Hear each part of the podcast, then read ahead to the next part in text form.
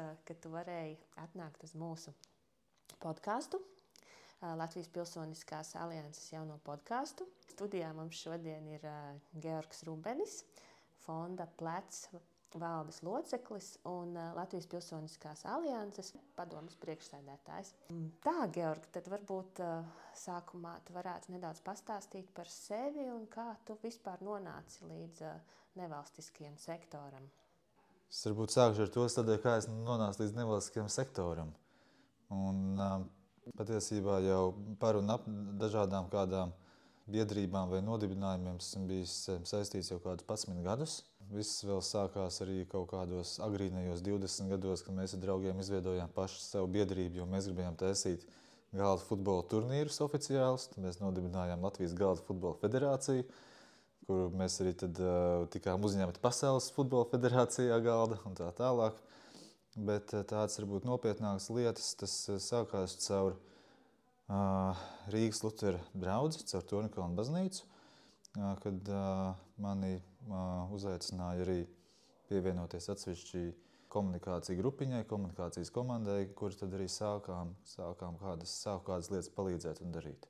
Un tad, jā, nu, pēc tam pagāja kāds brīdis, un tad nonācu Seba bankā, tādā pozīcijā, um, kur cita starpā viens no maniem uzdevumiem bija arī mm, sadarbību un partnerību veidošana ar nevalstiskajām organizācijām. Tā skaitā izvērtēt, kam dot, kam nedot naudas līdzekļus no bankas puses. Un, faktiski, jā, tad pakāpeniski gadu gaitā sanāca iepazīties ar ļoti daudzām nevalstiskajām organizācijām Latvijā, ļoti plaša spektra cilvēkiem un tiešām vairāk iedziļināties arī tajā, ko NVO dara. Un tas tiešām tāds, nu, jā, tā, ieraudzīt šos milzīgos apcirkņus. Tu esi fondā plecs valdes loceklis. Kas ir fonds plecs? Ko, ko, ko jūs darat? Kas tas ir? Jā, nu fonds plecs pirms aptuveni pieciem gadiem cita projekta kontekstā runājāmies ar kolēģi un jā, fondā plecs manu priekšnieku Jānu Ertu. Un pakāpeniski kaut kā nonācām līdz tai tēmai. Jānis jau tur bija aizracies, ka uh, nav īsti laba tā situācija, kad Latvijā milzīgs daudzums bērniem dzīvo bērnu namos.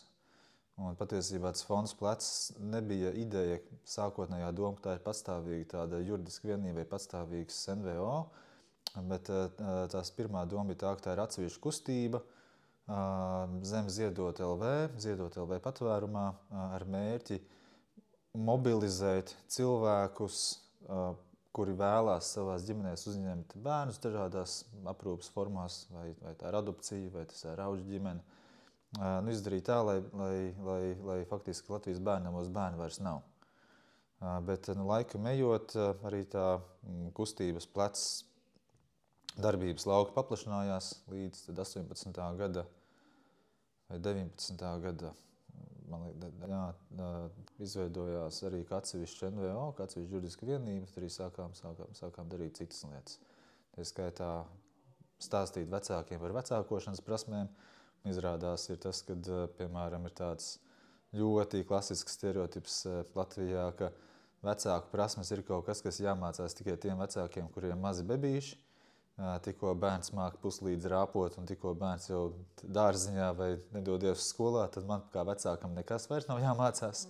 Tā, tā daudz domā, bet nu, tās tomēr ir tādas lietas, kur, kur tās prasmes ir nepieciešams atjaunot, un dažādās vecuma posmos, dažādās vecuma grupās jau ir dažādi izaicinājumi. Mēs ar kolēģiem smejamies par to, ka Tās no vecāka prasmes patiesībā vecākiem vajadzīgas no brīža, kad bērns piedzimst, līdz brīdim, kamēr bērns piedzīvo pusmūža krīzi. Mm. Tagad, teisim, tas laika, laika, laika apjoms diezgan plašs. Vai nav tā, ka nu, cilvēki paziņas, kas zina, ka tu darbojies šajā jomā ar bērniem, ar šiem vecākošanās jautājumiem, nu, kā piemēram ārstiem mēdz parasti prasīt par diagnozēm, vai tev arī prasa par bērnu audzināšanas jautājumiem? Prasa, jā.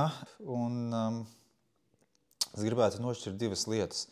Viena lieta ir tāda, ka man pašam nav uh, izglītība uh, vai jā, atbilstoša certifikācija, lai es varētu strādāt tieši konkrēti ar bērniem. Un es ar bērniem arī ikdienā nestrādāju, nedarbojos. Es darbojos ar pieaugušajiem. Un, un tas arī, ko ļoti bieži kas arī parādās, ir tas, ka ne jau bērns ir tas, kurš nes šo izaicinājumu, bet tieši pretēji, ka tas ir kāds vecāka uzskats, vecāka ieaudzināta vai kā citādi iegūtas zināšanas, pieredze, izpratne, ko vecāks nepareizi interpretē, nepareizi uzskata. Viņam liekas, ka bērnai tā problēma, vai teiksim, pusaudzītā problēma. Patiesībā ir tā, ka ja, ja pats pieaugušais kaut nedaudz drusku pamaina sevi, savu rīcības modeli, atsevišķās situācijās viss iegūst pilnīgi citās sliedēs. Pavisam nesen tu kļuvi savukārt par Latvijas Pilsoniskās alianses padomus priekšsēdētāju. Tas kā, nu, ir diezgan atšķirīgas jomas. Man gribētos teikt, ka demokrātija, pilsoniskā sabiedrība un ģimene un bērni. Ko, ko, ko tu saskatīji šajā? teiksim, kā, kā, kā izaicinājumu sev? Nē, es domāju, arī nu, tā, tā atbilde ir vairākās daļās. Tā pirmā daļa ir tā, ka arī darbojoties fondā plecs, tas nenozīmē to, ka mēs ikdienā mm, strādājam tikai ar simptomātiku. Mēs ļoti daudz darbojamies arī ar cēloņu risināšanu, un kas tajā, tajā pašā laikā ietver arī sarunas ar valsts pārvaldību, ar pašvaldībām, gan par sistēmas maiņas kādām lietām, gan par kādām likuma maiņām vai normatīvu aktu maiņām.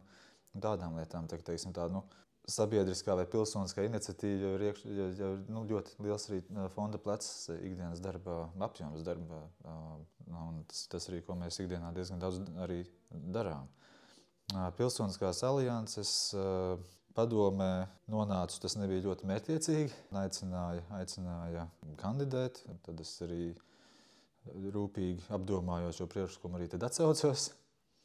Un, uh, es domāju, to, ka, uh, ja mēs varbūt tā nedaudz paskrienam uz priekšu, tad uh, viens no tādiem lieliem, lieliem izaicinājumiem, kas, kas šobrīd ir nevalstisko organizāciju jomā, uh, ir uh, neviendabīgā sabiedrības izpratne par NVO jomu, kas ir, kas ir tāda viena puse. Un otrā lieta, kas attiecīgi tam seko līdzi, ir finanšu jautājumi.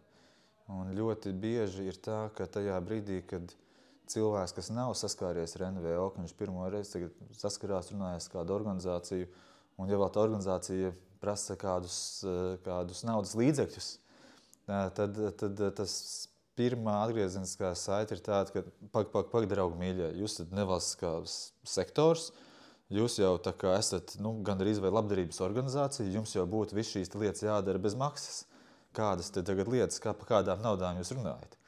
Un, un līdz ar to tad, jā, tad, nu, tā sabiedrības jā, nezināšana kaut kādā mērā un arī uzņēmēji kaut kādā mērā nezināšana par to, kāpēc tās lietas tiek darītas. Tas arī bija nu, jā, viena no tādām manām vēlmēm un aicinājumiem arī nu, mēģināt kaut kādā veidā vismaz palīdzēt šīs lietas paskaidrot un, un, un, un, un, un darīt. Kas, kas tie būtu tie tavi mērķi varbūt šajā, šajā darbā Latvijas Pilsoniskās alianses padomē?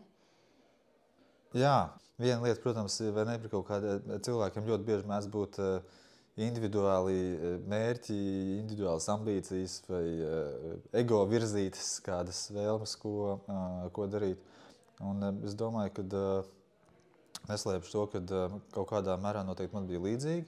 Tajā brīdī, kad, jā, kad pieņēmu šo lēmumu kandidēt uz Pilsoniskās alianses padomu, tad es arī biju tā jau sev galvā salīdzis tādus pieturu punktus, kas būtu tās lietas, kuras es vēlētos realizēt, izdarīt. Uh, Bet uh, uh, iepazīstoties pēc tam daudz detalizētāk arī ar jau esošiem izstrādātiem dokumentiem, stratēģijām, vadlīnijām, mērķiem, kādām citām lietām, sapratu to, ka tās nu, individuāli, individuālās ambīcijas kaut kādā mērā jānoliek malā, ka teiksim, tas jautājums jau vairāk ir par to nu, kopējās jomas sakārtošanu. Un, tā kā, tā līdz to tās lietas ir noteikti pamainījušās, ar kādām domām es nācu un ar kādām domām es sēžu šeit tagad.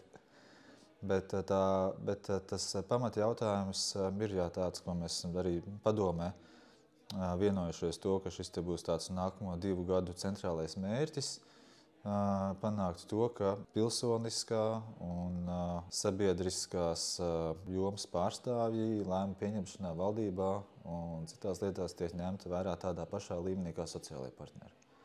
Tas faktiski nozīmē tādu daudz mērķiecīgu, skrupulozāku darbu uz jā, nevalstiskās sektora nevalstiskās jomas balss celšanu. Runājot, runājot par nevalstisko sektoru Latvijā, man ir bieži bijušas tādas situācijas, kad es satiekos ar kaut kādiem draugiem, cilvēkiem ārpus NVO loka un, un runāju par kaut kādām lietām. Viņi tā, ko jūs tur, nu, kas, kas, kas tas NVO vispār ir? Nu, ko jūs tur darat? Es, es nesaprotu, es neko nezinu par NVO. Un tad tā, nu, tā kā tālāk parunā, nu, tā kā, un saprotu, ka īsnībā jau viņi zina Īsnībā jau viņi pat sadarbojas ar kaut kādām tām organizācijām. Tikai viņi nevienmēr zina, kas, nu, ka tas tiešām ir tas NVO. Kā tev šķiet, kas, kas mums būtu jādara, lai to apziņu par NVO sektoru vairāk skaidrotu sabiedrībai?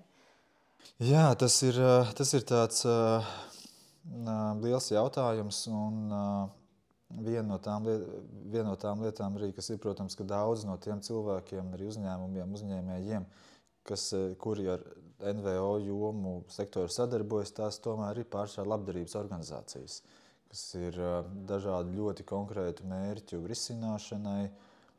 Nepieciešams no, no sērijas nepieciešams tik un tik naudas, lai varētu izdarīt vienu lietu, otru lietu, trešo lietu, palīdzētu kaut kam, kas viss ļoti, ļoti svarīgi, ļoti, ļoti uh,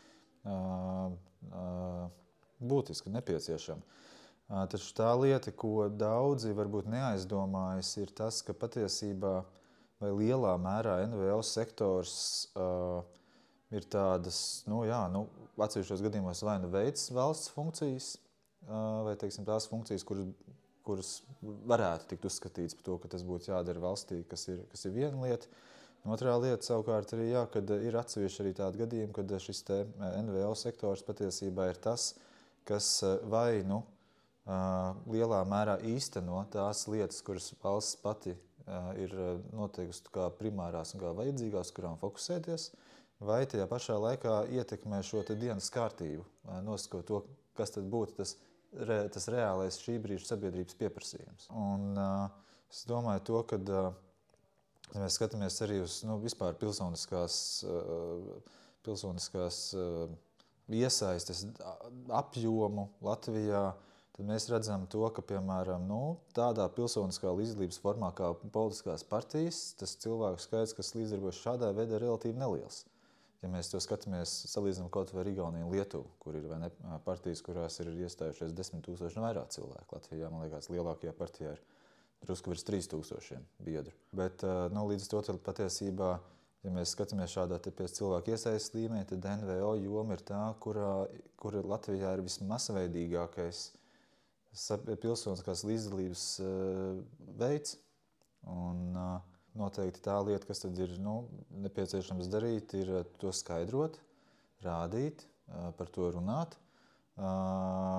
Un, tā labā lieta ir tāda, ka tas mums Latvijā darbojas ne tikai tādā teorijas formātā, bet nu, faktiski katrs, katra lielā nevalstiskā organizācija, kas Latvijā jau ir varbūt kādus 3, 4, 5, 10 gadus, var parādīt arī ļoti konkrētiem rezultātiem, kas tad ir tas, ko caur šādu pilsoniskās līdzdalības formu iespējams mainīt, sasniegt un izdarīt. Un, tad noteikti jā, tad, caur, caur, caur šo te padarītā prizmu, es domāju, ka to vērts tā mēģināt skaidrot un darīt.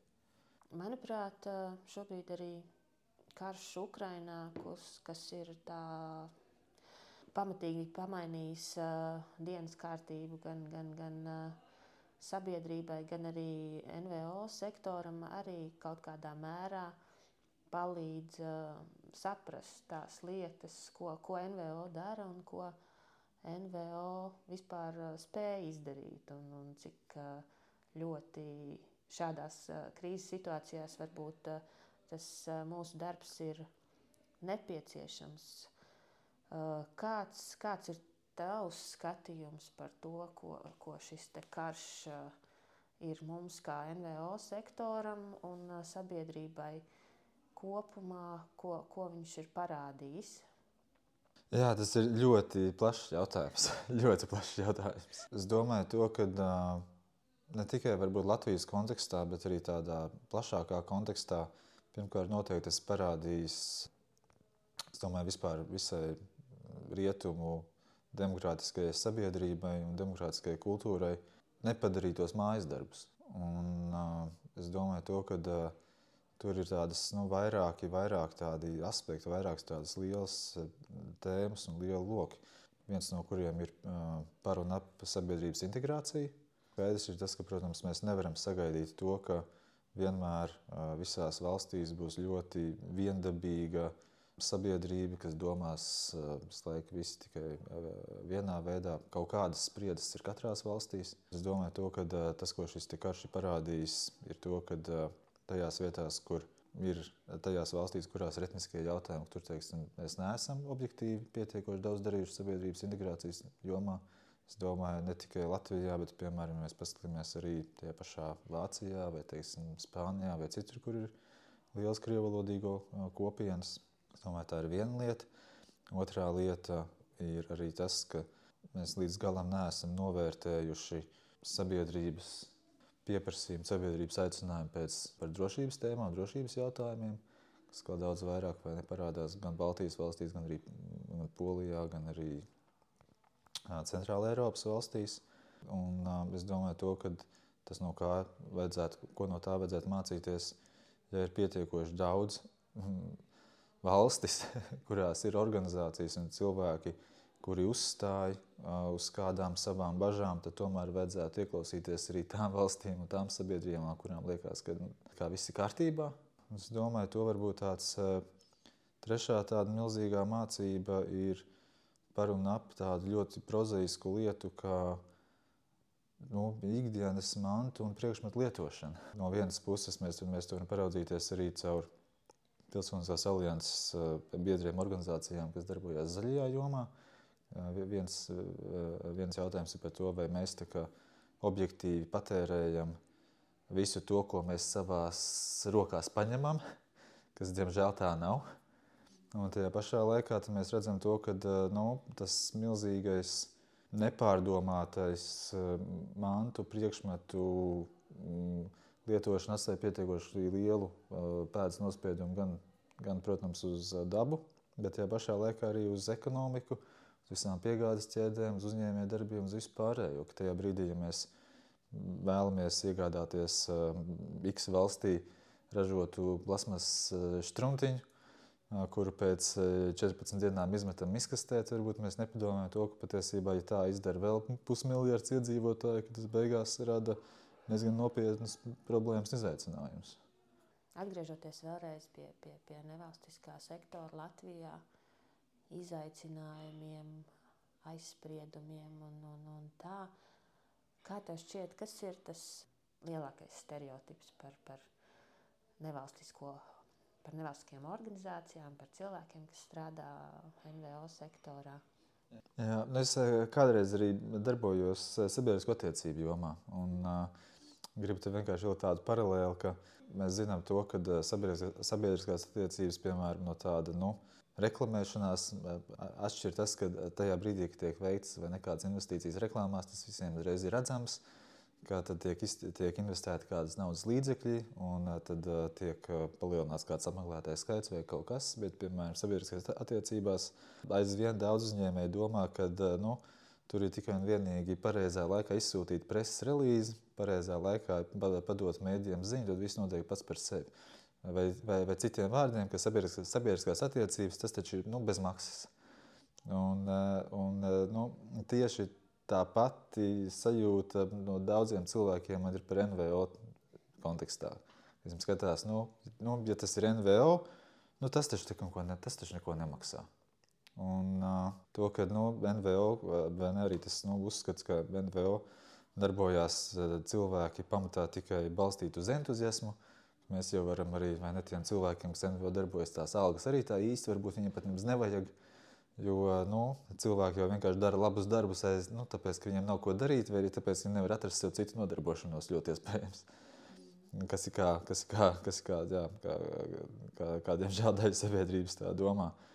Bet, nu, jā, es domāju, ka tas nu, tieši pretēji ir tā, ka ja vēl pirms kāda laika mēs skatījāmies no NVO kurpēm uz uzņēmumiem Latvijā un mēģinājām kaut kādā veidā šos uzņēmējdarbības labās prakses ieviest NVO segmentā, tad mēs tagad redzam, ka tas, nu, ka tā, ka, ka tas tiltiņš jau pagriezies otrādāk.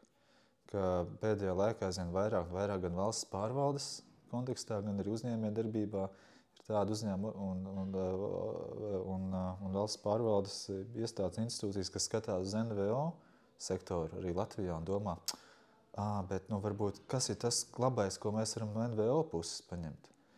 Un, protams, tas tā nav visiem, jo nu, NVO arī, nu, kā mēs saprotam, organizācijas ir daudz un dažādas. Un, un, un, un, un, bet tā ekspertīze, kas daudzās, da, daudzos arī alianses biedru organizācijās ir uztīta par šiem gadiem, ir neiedomājami liela. Un, es domāju, ka tas, kas ir nu, nepieciešams, kas svarīgi šo ekspertīzi rādīt uz āru un uh, nekautrēties par to. Un, uh, vēl viena tāda lieta, arī, ko arī mēs tā, nu, redzam, zinām, ir to, ka, protams, tas, ka daļa no NVO jomas dzīvo uh, balsoties uz ziedojumiem. Un tad mums uh, parasti ir diezgan sarežģīti paņemt to cepurīti un iet staigāt apkārt un prasīt ziedojumus vienam, ziedojumus otram. Uh, Tad ir tāda, tāda sarežģīta tāda situācija. Jo, protams, ne visiem patīk šī lūdzēja pozīcija. Jautājums, kādā veidā to vislabāk ir iespējams organizēt un darīt. Bet nu, es domāju, tiešām to, ka milzīgs daudzums no tiem ekspertiem, profesionāļiem, kas NVL jomā darbojas, viņiem nevajadzētu necik kautrēties iet uz ārā, teikt to, ka ir nepieciešams šāds vai tāda lieta Latvijas sabiedrībā tajā jomā, kurā es darbojos. Uh, Tam ir nepieciešams, lai to realizētu tik un tik daudz finanšu līdzekļu, tik un tik daudz citu līdzekļu, kuri vēlās būt mūsu partneri, kuri vēlās atbalstīt šo iniciatīvu, kuri vēlās to darīt. Un es domāju, to, ka arī nu, mums arī NVO jomā noteikti nevajadzētu iet ar nokārtu degunu šādās situācijās un, un, un, un, un, un meklēt sadarbības partnerus, bet ar augstu paceltu galvu.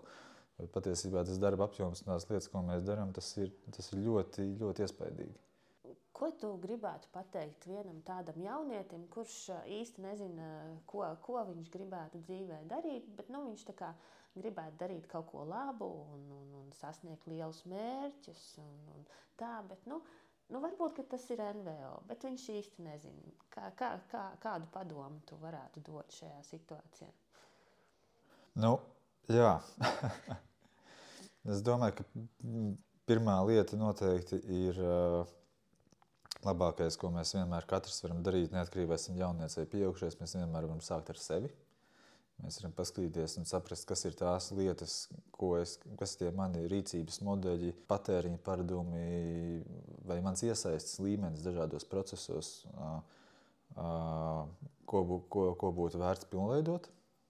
Un, uh, noteikti nu, tādam jaunietim vai jaunietei aicinātu izmantot kādu no milzīgajām iespējām, kādā NVO līdzdarboties brīvprātīgā formā, kas teiksim, arī ir iespējams.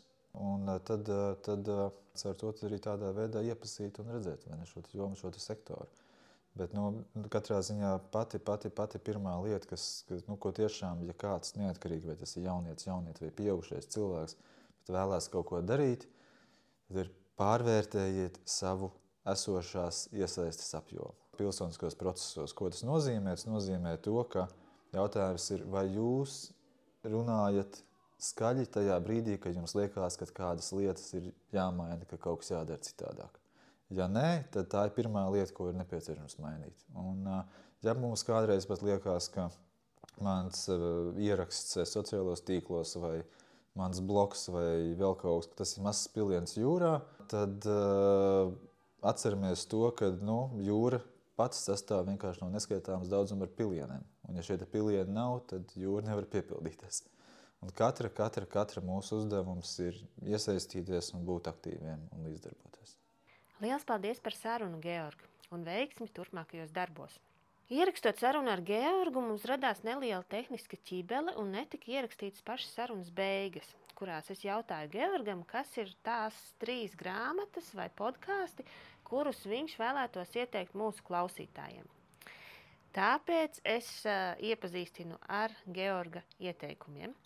Trīs grāmatas, kuras viņš uh, ieteiktu mūsu klausītājiem. Pirmā grāmata ir uh, autora Nasima Nikolasa Tāleba grāmata Risks ar savu ādu - ikdienas slēptās asimetrijas. Autors šajā grāmatā piedāvā savu skatījumu uz to, kā saprast pasauli, gūt profesionālus panākumus un veicināt taisnīgumu sabiedrībā. Otrā grāmata ir Viljama da Dalrimpla uh, grāmata From the Holy Mountain – A Journey Among the Christians of the Middle East – Šis ir stāsts par ceļojumu vidējos austrumos, kurā vienlaikus tiek šķetinātas šo zemju un tautu vēsture un attiecības starp reliģijām. Un trešā grāmata, ko Georgs iesaka, ir Toma Hairons poēma Dažreiz traks dievs. Paldies par klausīšanos, uz tikšanos nākamreiz! thank you